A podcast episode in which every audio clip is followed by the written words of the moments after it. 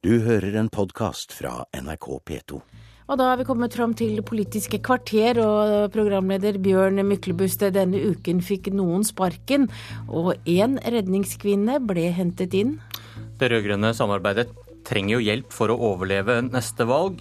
Noen har sagt noe om at dette ikke er en kjærlighetshistorie, men kanskje fornuftsekteskap ikke er så lurt likevel?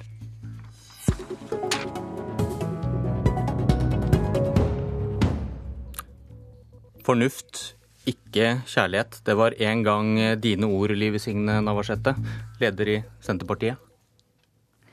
Ja, eh, og eh, alle forhold som skal vare over tid, eh, de må ha botnast i at en vil noe sammen, og at en kanskje òg etter den første kveitebrødstida er over, evner å tenke at det, det er fornuftig eh, å, å, holde dem sammen og gjøre ting i lag. Men det lå vel noe annet i den uttalelsen òg, gjorde det ikke det? da? At det var ikke alltid like, like godt, dette her?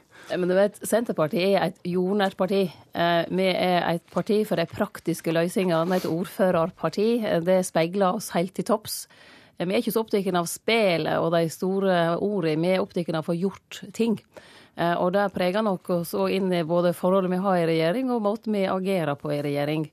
Eh, og derfor har det, det siste halvåret òg vært prega av saker der vi har fått gjennomslag for viktige prinsipp i vår politikk, men der vi òg har hatt en tøff vår, spesielt nå i avslutningen av den. Fornuft, ikke kjærlighet. Du, hvor lenge har du tenkt til å være partileder? Nei, Det har jeg rett og slett ikke vurdert. Eh, jeg er partileder nå. Eh, jeg sitter jeg, Er det i kategorien dumme spørsmål, dette her? Eh, ja, egentlig det. jeg men hva, hva, bestem, hva bestem, Vanskelig å si noe om tidspunktet, men hva bestemmer det da? Hvor lenge du skal sitte? Det er jo mange element. Det er jo for det første min egen livssituasjon. For du må, skal du være partileder, og i hvert fall hvis du kombinerer det med å være statsråd, Eh, så, så tar det det meste av livet ditt. Eh, og så da har det noe med hva heimebasen mener. Det er punkt én. Punkt to, eh, det er, som er helt avgjørende, det er at en har tillit til partiet. Hvis ikke jeg har tillit til partiet, så kan jeg ikke være leder. Så det å fornemme hvordan partiet måtte tenke om lederskapet, er jo særdeles viktig for, for en partileder. Jeg legger merke til at du har tatt punkt én og to, men du har ikke kommet til velgerne ennå? Jo, men partilederen, eh, den, den blir valgt av landsmøtet. Så kan velgerne selvfølgelig si at eh, partiet ønsker en ikke, og så kan partilederen velge å ta konsekvensen av det. Det er vel ofte det som skjer, er det ikke det da? Nei, i Senterpartiet har ikke det vært det vanlige. Vi har hatt eh, skifte som har skjedd fordi at folk har ønska å gjøre noe annet i livet, og det kan jo hende jeg vil på et tidspunkt òg. Du, svekker det din stilling at det spørres om hvem som står klar når du en gang skal gi det? Nei, det er nå media sin rolle. For du er veldig rask med å avvise det? Ja, for det er ikke et spørsmål akkurat nå. Eh, det kan bli spørsmål på et tidspunkt. og Da blir det helt sikkert på et tidspunkt. Men er det, ikke en, er det ikke en sunn debatt, da? Jo, jeg mener at alle ledere skal tåle å bli evaluert. Alle ledere skal tåle at eh, folk stiller spørsmålstegn ved lederskapet. Og så er det den viktigste jobben for en leder, det er å syte for at det er et underskog av gode lederemner som kan ta over. Det er jeg opptatt av at det skal være, og det mener jeg at det er i Senterpartiet. Har du vært redd for Marit Arnstad? Nei, jeg har aldri vært redd for Marit Arnstad. Jeg har vært heldig eh, å ha et godt forhold til Marit. Jeg har snakka ofte med Marit i den tiden hun ikke har vært politisk aktiv på riksplan. Eh, og jeg har òg snakka med henne om tidspunkt for å eventuelt komme tilbake til, til regjering, og det er jeg som har henta henne inn. Slik sett. Eh, hun hadde ikke blitt henta inn av Jens hvis ikke jeg hadde ønska at hun skulle komme det, inn, for å si det sånn. Det skjønner vi, men har du spurt henne tidligere? Nei, Hva samtale jeg og Marit har hatt tidligere, det syns jeg skal være mellom henne og meg. Men du har sikkert også hørt dette snakket, da, at hun ikke har vært aktuell fordi man kanskje er redd for å ha en større stjerne enn partilederen inne, men Det er nå bare tull. Det er jo bare rør. Uh, og jeg har aldri hørt uh, den diskusjonen. Er det så rart, da? Hun har vært uh, en opplagt lederkandidat, kanskje før din tid også, og skulle ta inn henne i det rød-grønne prosjektet. Det hadde vel vært grunnlag for spekulasjoner hvis målingene ikke går din vei? Ja, I så fall skulle jeg ikke tatt henne nå. For nå går ikke målingene min vei. Så da men nå trengte du henne? Nei, men dette, dette, er bare tøys. Marit har valgt eh, familien framfor politikken en periode. Eh, og det skal hun ikke diskvalifiseres for. Jeg har stor respekt for det. Men hun veit at det du sier nå, antyder nå, ikke er sant. Og så er ikke det så nøye for meg hva du måtte mene om det ellers, men hun veit at det er ikke riktig. Jeg mener ingenting. Vi tar det i kategorien for dumme spørsmål. Her kommer et til. Eh, kanskje Arnstad kan ses på som et svar på Ola Borten Moes posisjon som kronprins? Nei, men hjelp oss. Eh, jeg, skjønner ikke hva de får det fra. Jeg, jeg, må nesten, jeg vet ikke om jeg skal le eller gråte. Du har altså, også poenget... lest dette i avisen, har du ja, ikke det? Ja, ja, men du vet, eh, i motsetning til deg så leser jeg det og legger det bort. For det, det blir en del av det som står i avisen som blir for dumt. Men jeg er opptatt av å bygge partiet. Jeg er opptatt av de beste personene i mm. regjering, i storting. Jeg er opptatt av å få Senterpartiet sine saker på dagsorden, og det gjør vi gjennom å ha dyktige folk. Jeg lover deg, vi skal, vi skal, komme til det også. Men du har selv sagt at du og Borten Moe kommer fra ulike tradisjoner i Senterpartiet. Det er dine egne ord. Eh, hvor vil du plassere Arnstad? Nei, Jeg har bestemt meg for én ting, at jeg skal ikke plassere noen i noen leir eller kategori. Og det jeg jobber intenst med hver eneste dag, det er å bygge laget. Eh, og det faktisk opplever jeg at det lukkes med nå. Vi har nå sterkt lag i Stortinget, vi har et sterkt regjeringslag. Og vi står sammen om det som er viktig for oss, nemlig at Senterpartiet skal gjøre et godt valg neste år, og at regjeringen samla sett skal gjøre et godt valg, slik at vi kan fortsette i den rød-grønne regjeringen. Vi har klare målsettinger, vi har lagt strategien, vi har valgt hovedsaker, og vi har personene som skal leie oss i valgkampen, de er nå på plass. Og det er viktig for meg. Hvorfor fikk eh, Lars Peder Brekk sparken som landbruksminister? Eh, Lars Peder fikk ikke sparken. Han har sittet i fire år. Eh, han har gjort veldig mye bra for norsk landbruk. Han vil ikke gå selv? Han har lagt fram en landbruksmelding som har fått gehør både i næringa og utafor. Og Lars Peder han går tilbake til jobben som parlamentarisk leder i Stortinget. Det er en viktig jobb for oss, og den kommer han til å gjøre på en utmerka måte. Han har sagt at han ikke gikk frivillig, og da får han vel sparken? Det kan ja, du vel innrømme? Det er jo alltid en leder sitt og en leding sitt ansvar uh, å se på hvordan en plasserer uh, folk best. Og vi tenkte nå og mente at det var riktig å fornye mannskapet. Det har òg vært signalisert tidligere. Det er ikke noe som ble bestemt over natta. Så det, og det mener jeg var riktig. Og vi har nå fått mannskapet på plass, som skal leie oss inn til et godt valgresultat. Både de, storting og regjering. Du sier det ikke hadde noe med jordbruksoppgjøret å gjøre, men var det en hyggelig bieffekt at den bøndene var så sint på, forsvant? bøndene og alle andre vet at eh, det er jeg og partiet, sammen med resten av regjeringen, som er ansvarlig for jordbruksoppgjøret. Det skal ikke henges på Lars Peder Brekk. Det blir jo ofte gjort... sånn, da. Jo, slik blir det ofte, men det er ganske urettferdig. For hvis det er noen som har kjempa for eh, å få bedre vilkår for norsk landbruk, så er det Lars Peder. Han har lagt fram ei god landbruksmelding. Og eh, både han og jeg og er lei oss for at jordbruksoppgjøret ble sånn som det ble. Men eh, nå, nå, har vi sett punktum for det. Nå ser vi framover. Det gjelder Peder, og det gjelder alle oss andre i Senterpartiet. Ble Lundteigen straffet for sin kritikk av eget parti ved å flytte han ut av den tunge finanskomiteen?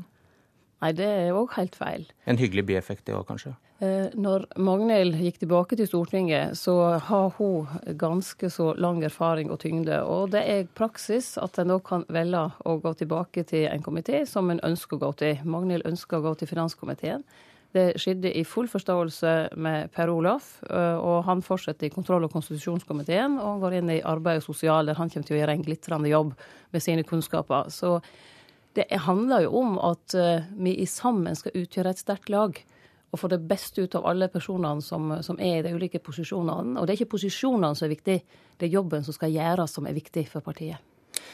Du skal ha sommerpressekonferanse på Statens vegvesen i dag, og ikke på en gård kanskje ikke tilfeldig? Nei, det, ja, det kunne vi godt hatt. Eh, for alle vet at Senterpartiet, for oss, som er, så er landbruket en av de aller, aller viktigste sakene. Eh, vi har valgt oss tre hovedsaker i, eh, fram til valget, og samferdsel er ei av dem. Derfor har vi pressekonferansen på, på, på, på, en vei. Og derfor så skal vi markere at vi òg videre framover skal løfte samferdsel. Det er òg viktig for norsk landbruk. Hvis det er noen som nyter godt av det, så er det alle folk rundt om i dette landet som nå får bedre veier for å frakte sine varer. Så det er viktig for oss alle. Hvordan vil du i dag beskrive tilbudet som bøndene fikk? Eh, det trenger jeg vel egentlig ikke beskrive, eh, for eh, bøndene sjøl har sagt hva de mente om det. Det var for dårlig. Er du enig i det, da? Det var for dårlig. Men dere har sagt mye forskjellig her. Historisk godt oppgjør til du sitter nå og sier at det var for dårlig? Du har nok ikke hørt at jeg har sagt det var et historisk godt oppgjør? Nei, det var han du ga sparken, som sa det. Det som, og Han har òg sagt etterpå det var kanskje ikke de ordene han burde brukt, og det tror jeg er riktig. Det var ikke et historisk godt oppgjør.